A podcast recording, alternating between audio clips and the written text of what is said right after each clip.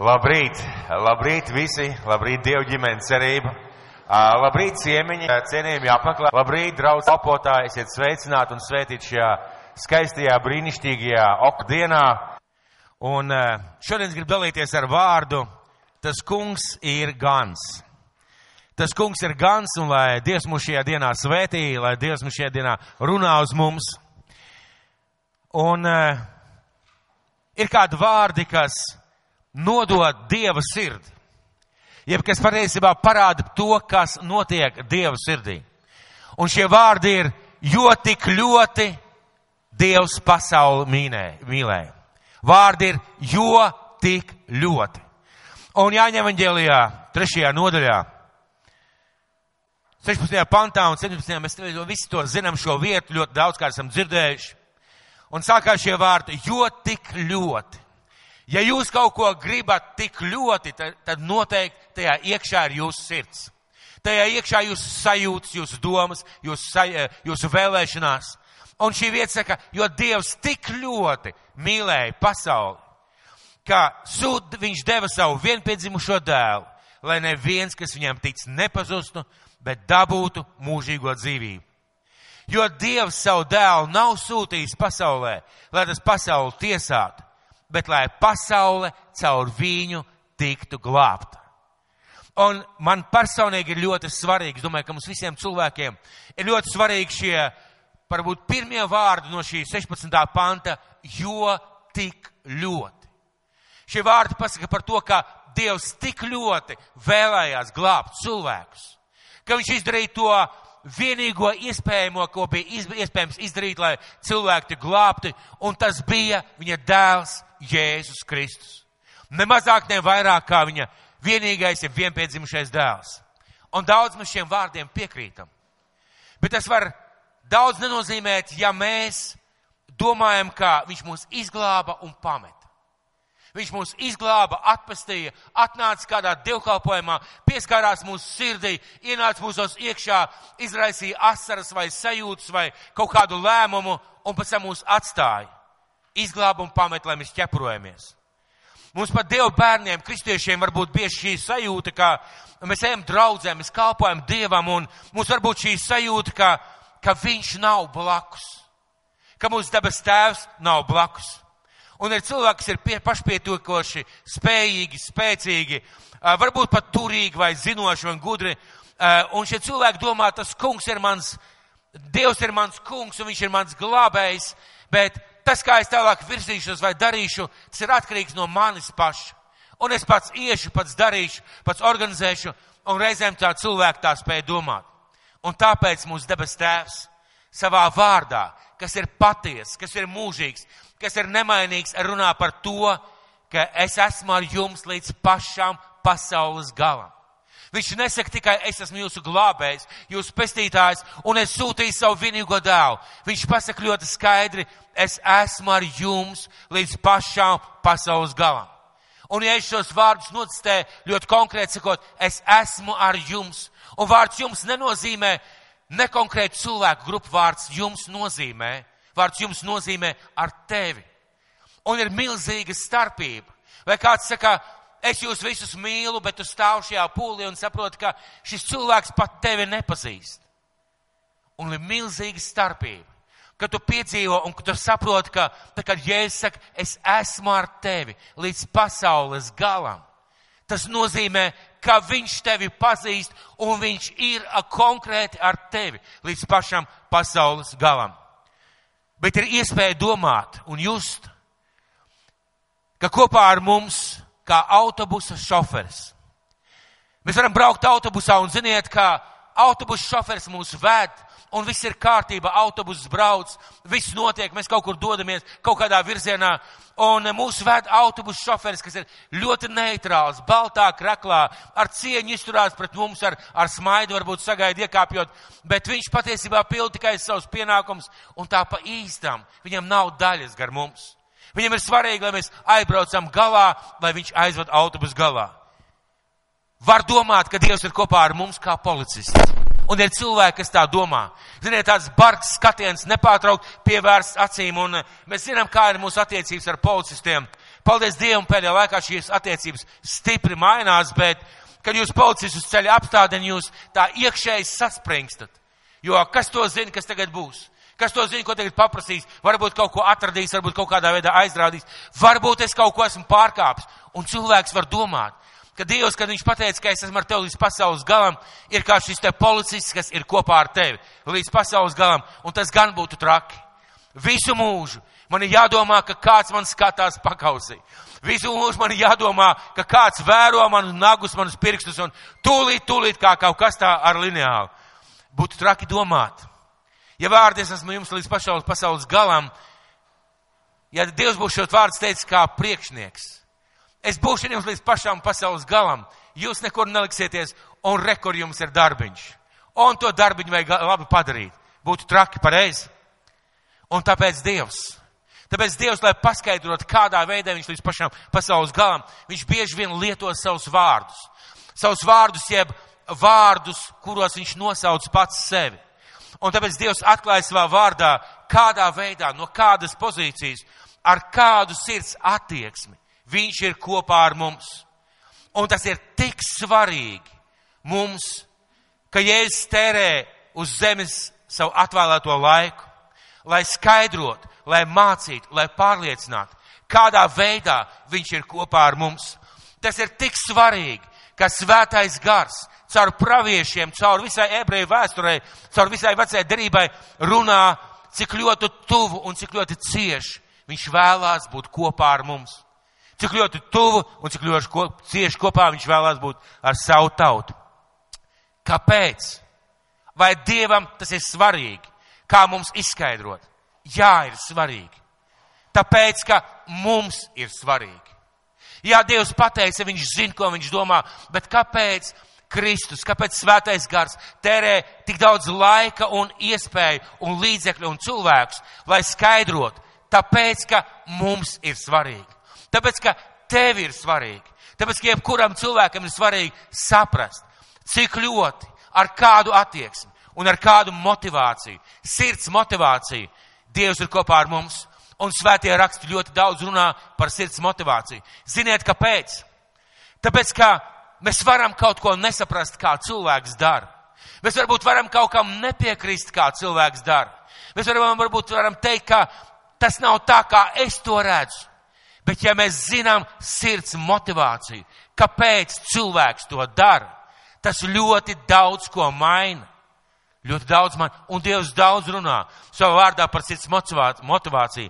Un eh, šodien es gribētu arī teikt, tāpēc mums ir svarīgi saprast, kā Dievs ir kopā ar mums, lai mēs ieraudzītu viņa sirds motivāciju.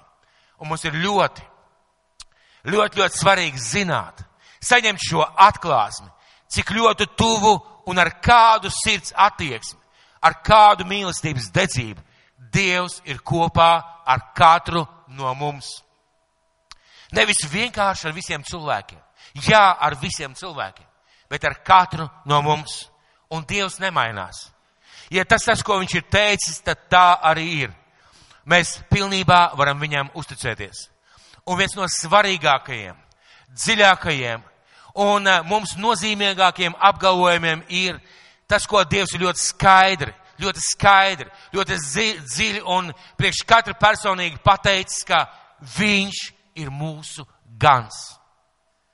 Viens no svarīgākiem apgalvojumiem priekš mums ir tas, ka Viņš ir mūsu gans.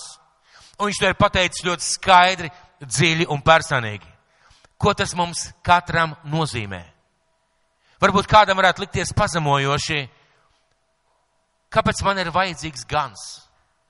Kāpēc man ir vajadzīgs gans? Es pietiekoši labi esmu izglītots, es pietiekoši labi esmu uh, situēts, es pietiekoši labi dzīvoju. Jā, man bija vajadzīgs glābējs, lai man izglābtu no maniem grēkiem. Bet kāpēc man ir vajadzīgs gans? Vai es kāda aita, kurai vajadzīgs gans? Mums ir vajadzīgs gans. Tāpēc, ka mēs dzīvojam šo dzīvi. Tāpēc, ka katrs cilvēks grib kaut kur piederēt. Kāpēc cilvēki grib būt ģimenē? Kāpēc cilvēki vēlās, lai piederētu kādai dzimtai? Kāpēc cilvēki vēlās piederēt kādai nācijai, kādai tautai? Jo cilvēkai ir ielikšā, ielikt šī sajūta būt vajadzīgam, būt piederīgam. Un Dievs ļoti vēlās, lai mēs saprastu, kā Viņš vēlās un ka Viņš ir mūsu gans. Un kā mēs to redzam, tas ļoti daudzas lietas izmaina. Kā mēs to redzam, tas ļoti daudz lietas mūsu dzīvē izmaina. Un svētais gars ļoti interesanti mani vadīja šajā reizē. Kad es domāju par vārdu, kad es domāju par ko dalīties, ko svētais gars vēlētos, lai es saku, Dievs man vadīja runāt no abām pozīcijām. No Dieva pozīcijas, ka viņš saka, es esmu jūsu gans, un no augs pozīcijas, kura saka, tu esi mans gans. No abām pozīcijām un ir starpība. Un ir starpība, kāpēc mēs tā varam ieraudzīt. Un ir gana pozīcija. Viņš ir mūsu gans. Skatu punkts, kā viņš redz mūs. Kā viņš domā par mums kā gans. Kā viņš izturās pret mums kā, kā gans. Un ir mūsu, jeb augsts pozīcija, jeb stāvoklis, ka Jēzus ir mans gans. Kā es to redzu. Kā es to izprotu. Kā es to saprotu. Tas ir līdzīgi kā lidmašīnā. Cilvēks sēž lidmašīnā un lido uz Havaju salām. Cilvēks sēž lidmašīnā, lido uz Havaju salām un ir pilota pozīcija. Mēs zinām, kad mēs lidojam, mēs sēžam lidmašīnā, mēs atslābinamies, mēs pilnībā uzticamies pilotam. Protams, kā mēs pirms tam esam aizlūkuši Dievu. Ja nu gadījumā kaut kas savu dvēseli novēlējuši debes tēvam, pie reizes drošības pēc izsūdzējuši savus grēkus, un atvadījušies no saviem mīļotajiem, bet mēs iesēžamies lidmašīnā, mēs lidojam uz Havaju salām. Un, ziniet, ir pilota pozīcija. Viņš arī lido tajā pašā lidmašīnā. Bet viņš uz šo lidojumu skatās daudz savādāk. Viņš uz mums skatās kā uz pasažieriem, kurus jānogādā uh, drošībā. Viņš uz mums skatās kā uz cilvēkiem, kuriem ir vajadzīga kaut kāds palīdzība, iedrošinājums, informācija, kā piesprādzēties, ko darīt, ja gadījumā kas. Viņš rūkojās uz to, lai šī lidmašīna droši, laikā un precīzi aizbrauktu gāpunktā. Mēs lidojam vienā lidmašīnā. Ir mūsu pozīcija, mēs sēžam, lasām žurnālu, nezinu, iedzeram ūdens pudeli, lasām grāmatu, mēs skatāmies pa, skatāmies pa logu un domājam, ek, ja man būtu karote, es no tiem, no tās mākoņu biesputras iestreptu, kad es mazāks es biju tā domāju. Mēs atpūšamies, mēs uh, gaidām šo kala mērķi, un ir pilots, kurš lido, un viņš redz savādāk. Vienā tajā pašā lidmašīnā, vienā un tajā pašā laika telpā, vienā un tajā pašā maršrutā. Gan pilots, gan pasažieri redz šo lidojumu, katrs no savas puses. Un šo svētdienu un nākošu svētdienu domāsim, kā mūsu dabas tēvs, kā Jēzus redz, kā runāja un kā mācīja un kā atklāja, ka viņš ir mūsu gans. Un nākošu svētdienu mēs runāsim par to, kā mēs kā Dievu bērni redzam vai saprotam, ka viņš ir mūsu gans. Tāpēc noteikti esiet arī nākošu svētdienu. Un es gribu izlasīt sākumā divas vietas. Es gribu izlasīt sākumā divas vietas no Dieva vārda. Par vienu stāvokli es esmu jūsu gans, un par otru pozīciju Jēzus ir mans gans. Viss sāks no Dieva. Viss sāks no mūsu dabas tēva. Viss lietas mūsu dzīvē. Un tāpēc mēs sāksim šodien ar Dievu atklāsmi, ka Jēzus redzēja, sajuta, mācīja par to, ka Viņš ir mūsu gans. Un izlasīsim šodien arī otru vietu, kurā viņš, eh, kurā mēs varam redzēt sevi no šīs auss pozīcijas, kā Jēzus ir mūsu gans. Un sāksim ar Jāņa evaņģēlī desmito nodaļu. No 1 līdz 5 pantam, un tad no 11 līdz 18 pantam. Tad Jāņa evaņģēlīs 10 nodaļa no 1 līdz 5 pantam, un tad no 11 līdz 18. pantam. Un lūk, ko Jēzus saka par šo gana autoritāti pozīciju, par šo sirds attieksmi. Patiesi, patiesi es jums saku, kas neiet pa durvīm avju kūtī, bet citur kāp iekšā ir zaglis un laupītājs. Bet kas iet pa durvīm ir avju gans. viņam durvju saraks atver, un avis klausa viņa balsi, un viņš savas avis sauc vārdā un izved tās ārā. Kad viņš visas savas avis izlaidis ārā, viņš pats iet tām pa priekšu, un avis viņam seko, jo tās pazīst viņa balsi. Svešam, turpretīm tās nesakos, bet bēgs no tā, jo viņas nepazīst svešinieku balsi. 11. pants. Es esmu labais gans. Labais gans atdod savu dzīvību par savām avīm. Darētais gans, kas nav īstais, kam avis nepiedara, redzēdams vilku nākam, atstāja avisu bē un bēg, un vilks tās nolaupa un izklīdina. Jo viņš ir darēts gans, un avis viņam nerūp. Es esmu labais gans. Es pazīstu savus avis, un manas avis mani pazīst. Itin kā tēvs pazīst mani, es pazīstu tēvu, un es atdodu savu dzīvību par savām avīm. Man vēl ir citas avis, kas nav no šīs kūts. Arī tās man jāatved. Arī, viņi, arī viņas dzirdēs manu balsi, un būs viens ganāmpulks un viens gans. Tāpēc tēvs mani mīl, ka es atdodu savu dzīvību, lai es to atkal atgūtu. Neviens to nav man atņēmis bet es atdodu pats sevi, no, no sevis. Man ir vara to atdot un vara to ņemt. Un šajā, šajā, šajās pantos Jēzus runā par to, ka es esmu labais gans no gana pozīcijas. Un iesim uz 23. psalmu. 23. psalms, kur cilvēks, kur Dieva bērns, kur atpestīts un izglābts cilvēks runā par to, ka Dievs ir viņa gans. Šī te avs pozīcija. Tas kungs ir mans gans, man netrūks neniek. Viņš man liek ganīties zaļainās ganībās. Viņš mani vada pie skaidra ūdens. Viņš atspirdzina manu dvēseli un ved mani pa taisnības ceļiem sava vārda dēļ. Jebšu, es arī staigāju tumšā ielā, taču ļaunu man nebīstos, jo tu esi pie manis tava gana vēsta un tavs gana zīzlis mani iepriecina. Tu klāji man galdu maniem ienaidniekiem redzot. Tu svaidi ar eļu mana galvu. Mans kaus ir piepildīts pilns līdz malai. Tiešām labums un žēlstība man pavadīs visu manu mūžu. Un es palikšu tā kunga namā vienmēr. Lūk, divas pozīcijas Viena pozīcija - es esmu jūsu gans. Kā es skatos, kā es redzu, kā es domāju, un otra pozīcija - Jēzus ir mans gans. Un viens, viena pozīcija ir šī gana pozīcija, otra pozīcija ir auss pozīcija, kad cilvēks skatās. Un mēģināsim šodien, mēģināsim šodien skatīties uz šo pozīciju, jeb kā Jēzus atklāja sevi kā labais gans. Sevi kā labais gans. Un lasīsim atkal, atgriezīsimies atpakaļ Jāņa evaņģēlijā desmitajā nodaļā. Jāņa evaņģēlijā desmitajā nodaļā. Pirmām kārtām, kāpēc? Kāpēc? Šajā 23. psalmā Dāvids var teikt, tu esi mans gans. Tāpēc, ka ganam pirmajam ir tāda pozīcija. Tāpēc, ka ganam pirmajam ir tāda sirds. Tāpēc, ka gans pirmais ir gatavs atdot, gatavs atdot savu dzīvību par savām avīm. Un tad šī aus var teikt, tu esi mans gans, es tev uzticos, es paļaujos, es tev sekoju un es zinu, ka es būšu kopā ar tevi. Un pat tumšā ielā tu man nepametīsi. Tāpēc, ka ganam pirmajam ir šī pozīcija. Un šodien es runāšu par jēzus vārdiem, es esmu jūsu gans.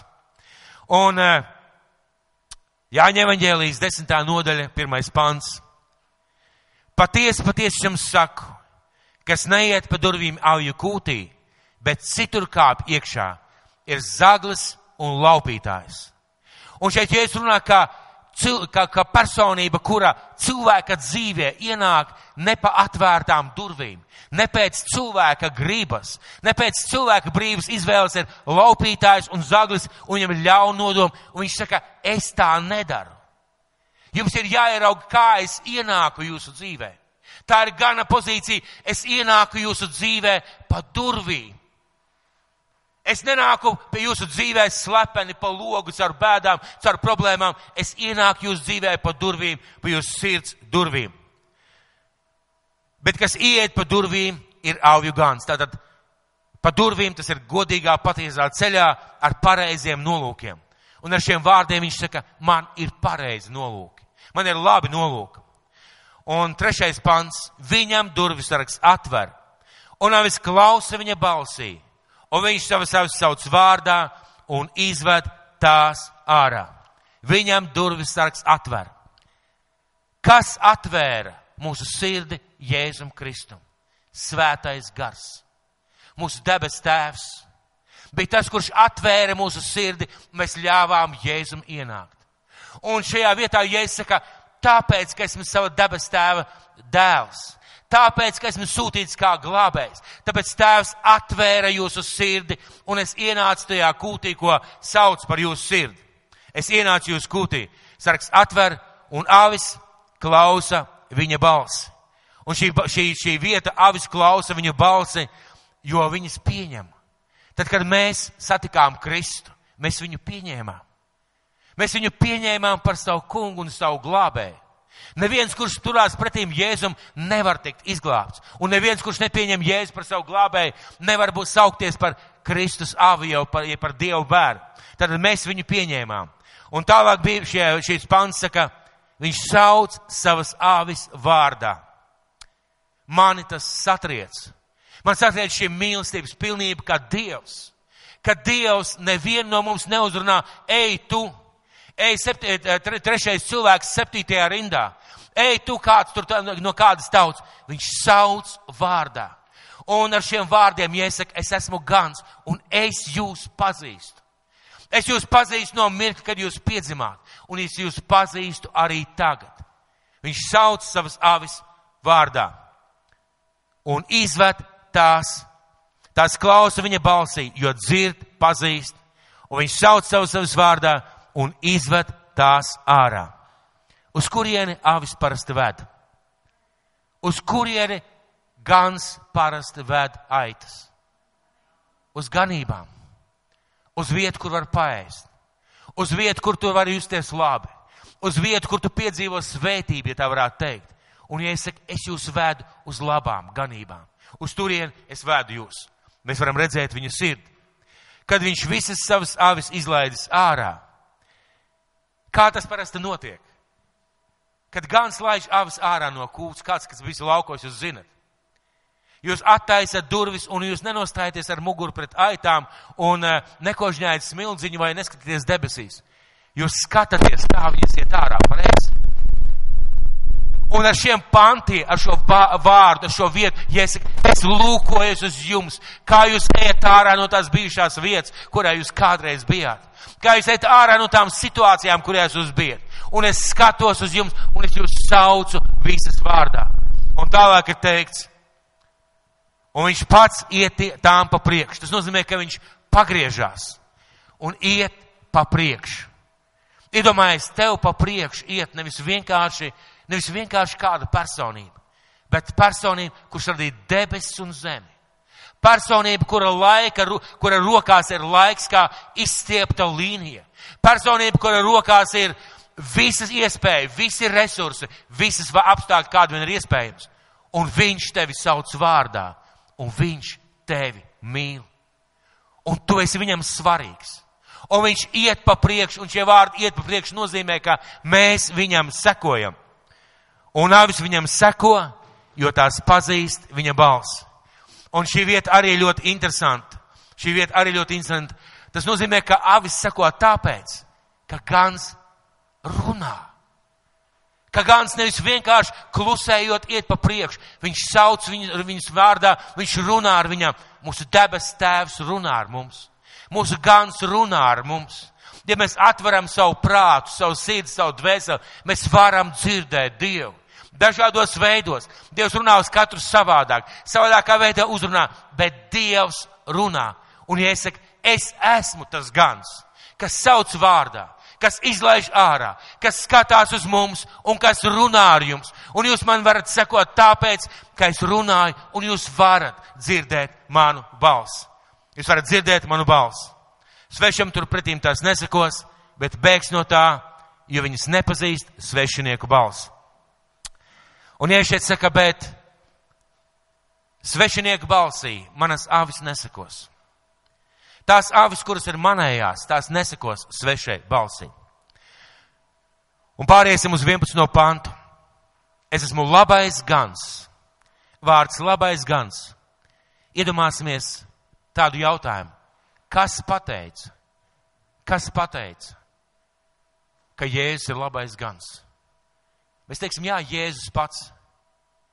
Bet tagad padomājiet, kas viņš bija. Dieva dēls Tas, kurš zina visus kritērijus un patiesības notikumus. Viņš saka, es esmu labais gans. Un labais gans nozīmē gans, kuram āvis ir svarīgas, kurš ir spēcīgs, kurš ir varošs, kurš ir mīlošs. Un, un šajā vietā viņš saka, es esmu labais gans. Labais gans, labais gans atdod savu dzīvību par savām avīm. Ko Jēzus domāja ar šiem vārdiem? Ko Jēzus domāja ar šiem vārdiem? Viņš zināja, uz kurien viņš iet.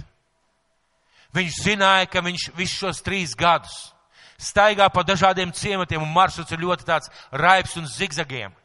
Bet viņš zināja savu mērķi. Un viņš teica, lai jūs varētu uzticēties tam, ka es esmu labais gans, jums ir jāzina. Es atdodu savu dzīvību par savām avīm. Un atdot dzīvību nozīmē nevis vienkārši nomirt, Tas nozīmē atdot visu to labāko, spējas, talantus, resursus par cilvēkiem, par tiem cilvēkiem, kurus viņš sauc par savām avīm. Visu to labāko, atdot dzīvi. Reizēm mēs sakam, es atdodu Dievam savu dzīvi. Ko tas nozīmē? Vai tas nozīmē, ka viss tavu dzīvi pieder Dievam un viņš to var lietot? Vai tas nozīmē, ka viņš var prasīt no tevis lietas, ko viņš vēlās tavā dzīvē darīt, ko izdarīt caur tavu dzīvi? Dievs vēlējās caur Jēzu glābt šo pasauli, un Jēzus stāv un saka, es esmu labais gans. Un lai jums būtu pārliecība, ka es jūs mīlu, lai jums būtu pārliecība, ka es esmu labais gans. Lūk, jums pierādījums. Es atdodu savu dzīvi par jums, savu laiku, savas spējas, savus talants un pašās beigās arī savu dzīvību. Es atdodu par jums. Par ko? par savām avīm. Darētais gans. Un nākušais pāns it kā ir, ka Jēzus salīdzina, salīdzina sevi ar personību, kurš nav šis labais gans.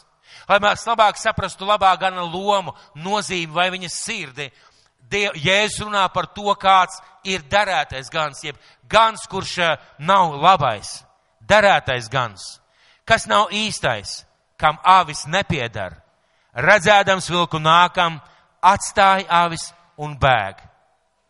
Un vilks tās nolaupa un izklīdina.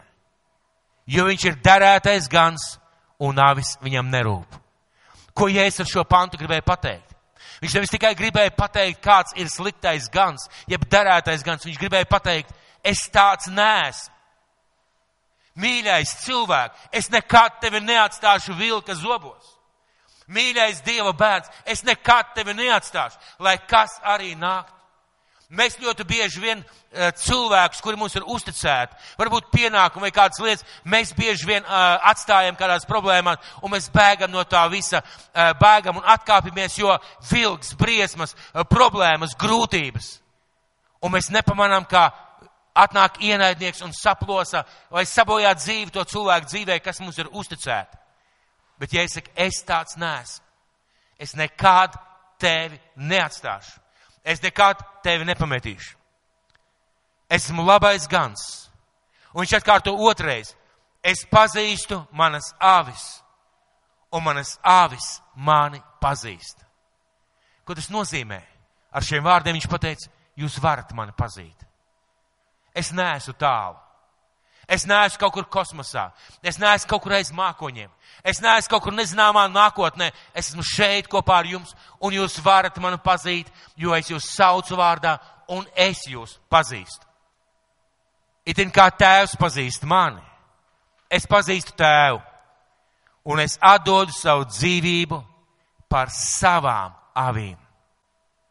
Ja Jēzus atdeva savu dzīvību par to, lai mēs ik viens varētu kļūt par viņa bērnu, ja Jēzus atdeva savu dzīvi par to, lai viņš veidotu draudz, veidot cilvēks, kas viņam seko, vai tiešām mēs domājam, vai tiešām mēs varam noticēt vēlna maliem, ka viņš nav kopā ar mums mūsu grūtībās, ka viņš nav kopā ar mums mūsu problēmās un vājībās, vai tiešām mēs tam varam noticēt.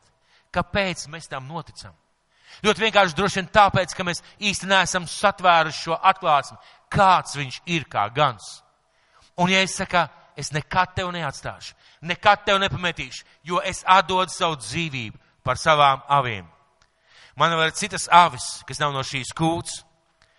Arī tās man jāatved, lai viņas dzirdētu manu balsi. Būtu viens ganāmpulks un viens gans. Šis pāns attiecās uz pagānu tautām. Viņš runāja ebreju kultūrā, viņš runāja ebreju cilvēkiem, un viņš šajā vietā skaidri pasaka, ka vēl ir aitiņas no citas kūts, jeb no citas kultūras, no citas vietas, un arī viņi dzirdēs arī viņi dzirdēs. Jo, un tagad, ja jums šodien kāds saka, tev ir jāmeklē ebreju saknes, vai Jēzus vārds jāizrunā ar pareizo izloksni, vai pareizā veidā, tev ir jāsvin, jāsvin parastie, pareizie svētki, tev ir jādara pareizās lietas, un tikai tad varbūt tu būsi Dieva bērns un pieņemts Jēzu, Jēzus, Jēzus, kā Jēzus bērns tikai tāpēc, ka tev būs kādas ebreju lietas tavā dzīvē. Tā nav taisnība. Jēzus mūs nepieņem tāpēc, ka mums ir ebreju saknes. Jēzus mūs pieņem tāpēc, ka debes tēvs atver mūsu sirdi. Mēs ļaujam Jēzum ienākt. Viņš pazīst mūs, viņš seko, viņš ved mūs pa viņš iet mums pa priekšu, un mēs viņam sekojam. Un viņš kā labais gans atdod savu dzīvību par vilku, kas nāk un vēlās aitiņas izplosīt, saplosīt. Tāpēc Tēvs mani mīl, ka es atdodu savu dzīvību, lai es to atkal atgūtu. Neviens to nav man atņēmis, bet es atdodu pats no sevis. Neviens to nav man atņēmis, bet es to atdodu pats no sevis. Šie vārdi man dziļi uzrunāja. Jo var nest upurus tāpēc, ka tie ir jādara. Var nest upurus tāpēc, ka tas ir labi, tas ir morāli pareizi var kalpot Dievam tāpēc, vai kalpot cilvēkiem tāpēc, ka ir tāda kultūra, ir tāda mācība, ir kaut kāda tāda nepieciešamība to darīt. Bet var to darīt tāpēc, ka tu mīli šos cilvēkus. Var to darīt tāpēc, ka tev ir izvēle to nedarīt, bet tu izvēlies to darīt. Un šajā vietā, saku, es izvēlējos atdot savu dzīvību par jums. Tā bija mana izvēle. Mani nevi, man kāja nepaklupa. Man nekādi ienaidnieki nesagūstīja, ne, neturēja važās un nepiesiet pēc tam krustā pret manu gribu. Es ļāvu to darīt. Un kad es skatos uz šādu savu ganu, kad es skatos uz šādu savu ganu, es varu teikt, tas gans ir to vērts, lai viņam sekotu. Tas gans tiešām mani mīl. Jo viņš ir izdarījis daudz vairāk nekā ik viens cilvēks vai kāds cilvēks uz pasaules to varētu izdarīt un viņš ir mans gans. Es varu viņam uzticēties. Viņš būs kopā ar mani visās problēmās, visās vajadzībās un visās bēdās, un arī visos priekos. Man ir vara to atdot un vara to atkal ņemt.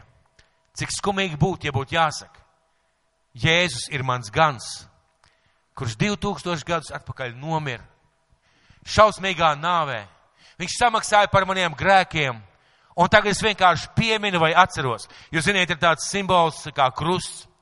Un uh, krustam reizēm ir kādas konfesijas, kas lieto vienkārši tādu tēlu, Kristus tēlu, kas ir pienaglots ar naglām, un viņš joprojām tur stāv. Es nezinu, kāpēc tā ir, kāpēc cilvēki tā skatās. Tas krusts, uz kuru jēzus tika pienaglots, ir tukšs. Paskatieties uz galvas, virs galvas. Šis krusts simbolizē to, ka mūsu draudz ir Kristus ēnā ka mēs esam Dieva draudz, ka Viņš ir mūsu kungs. Un tur Jēzus vairs nav. Jo viņam bija vara to atdot, un viņam bija vara ņemt šo savu dzīvību, lai viņš varētu turpināt būt mūsu gans. Ja mūsu gans būtu miris 2000 gadus atpakaļ, ak, mēs nabaga cilvēki. Tad tiešām būtu tā, ka Dievs mūs izglāba un atstāja. ķepurojieties, jūs esat izglābti. Bet ir taisni otrādi. Viņš mūs izglāba un neatstāja, un viņš iet mums pa priekšu. Viņš iet mums pa priekšu. Kāpēc mums to vajag zināt? Kāpēc mums to vajag zināt? Lai mēs varētu būt viņa avis.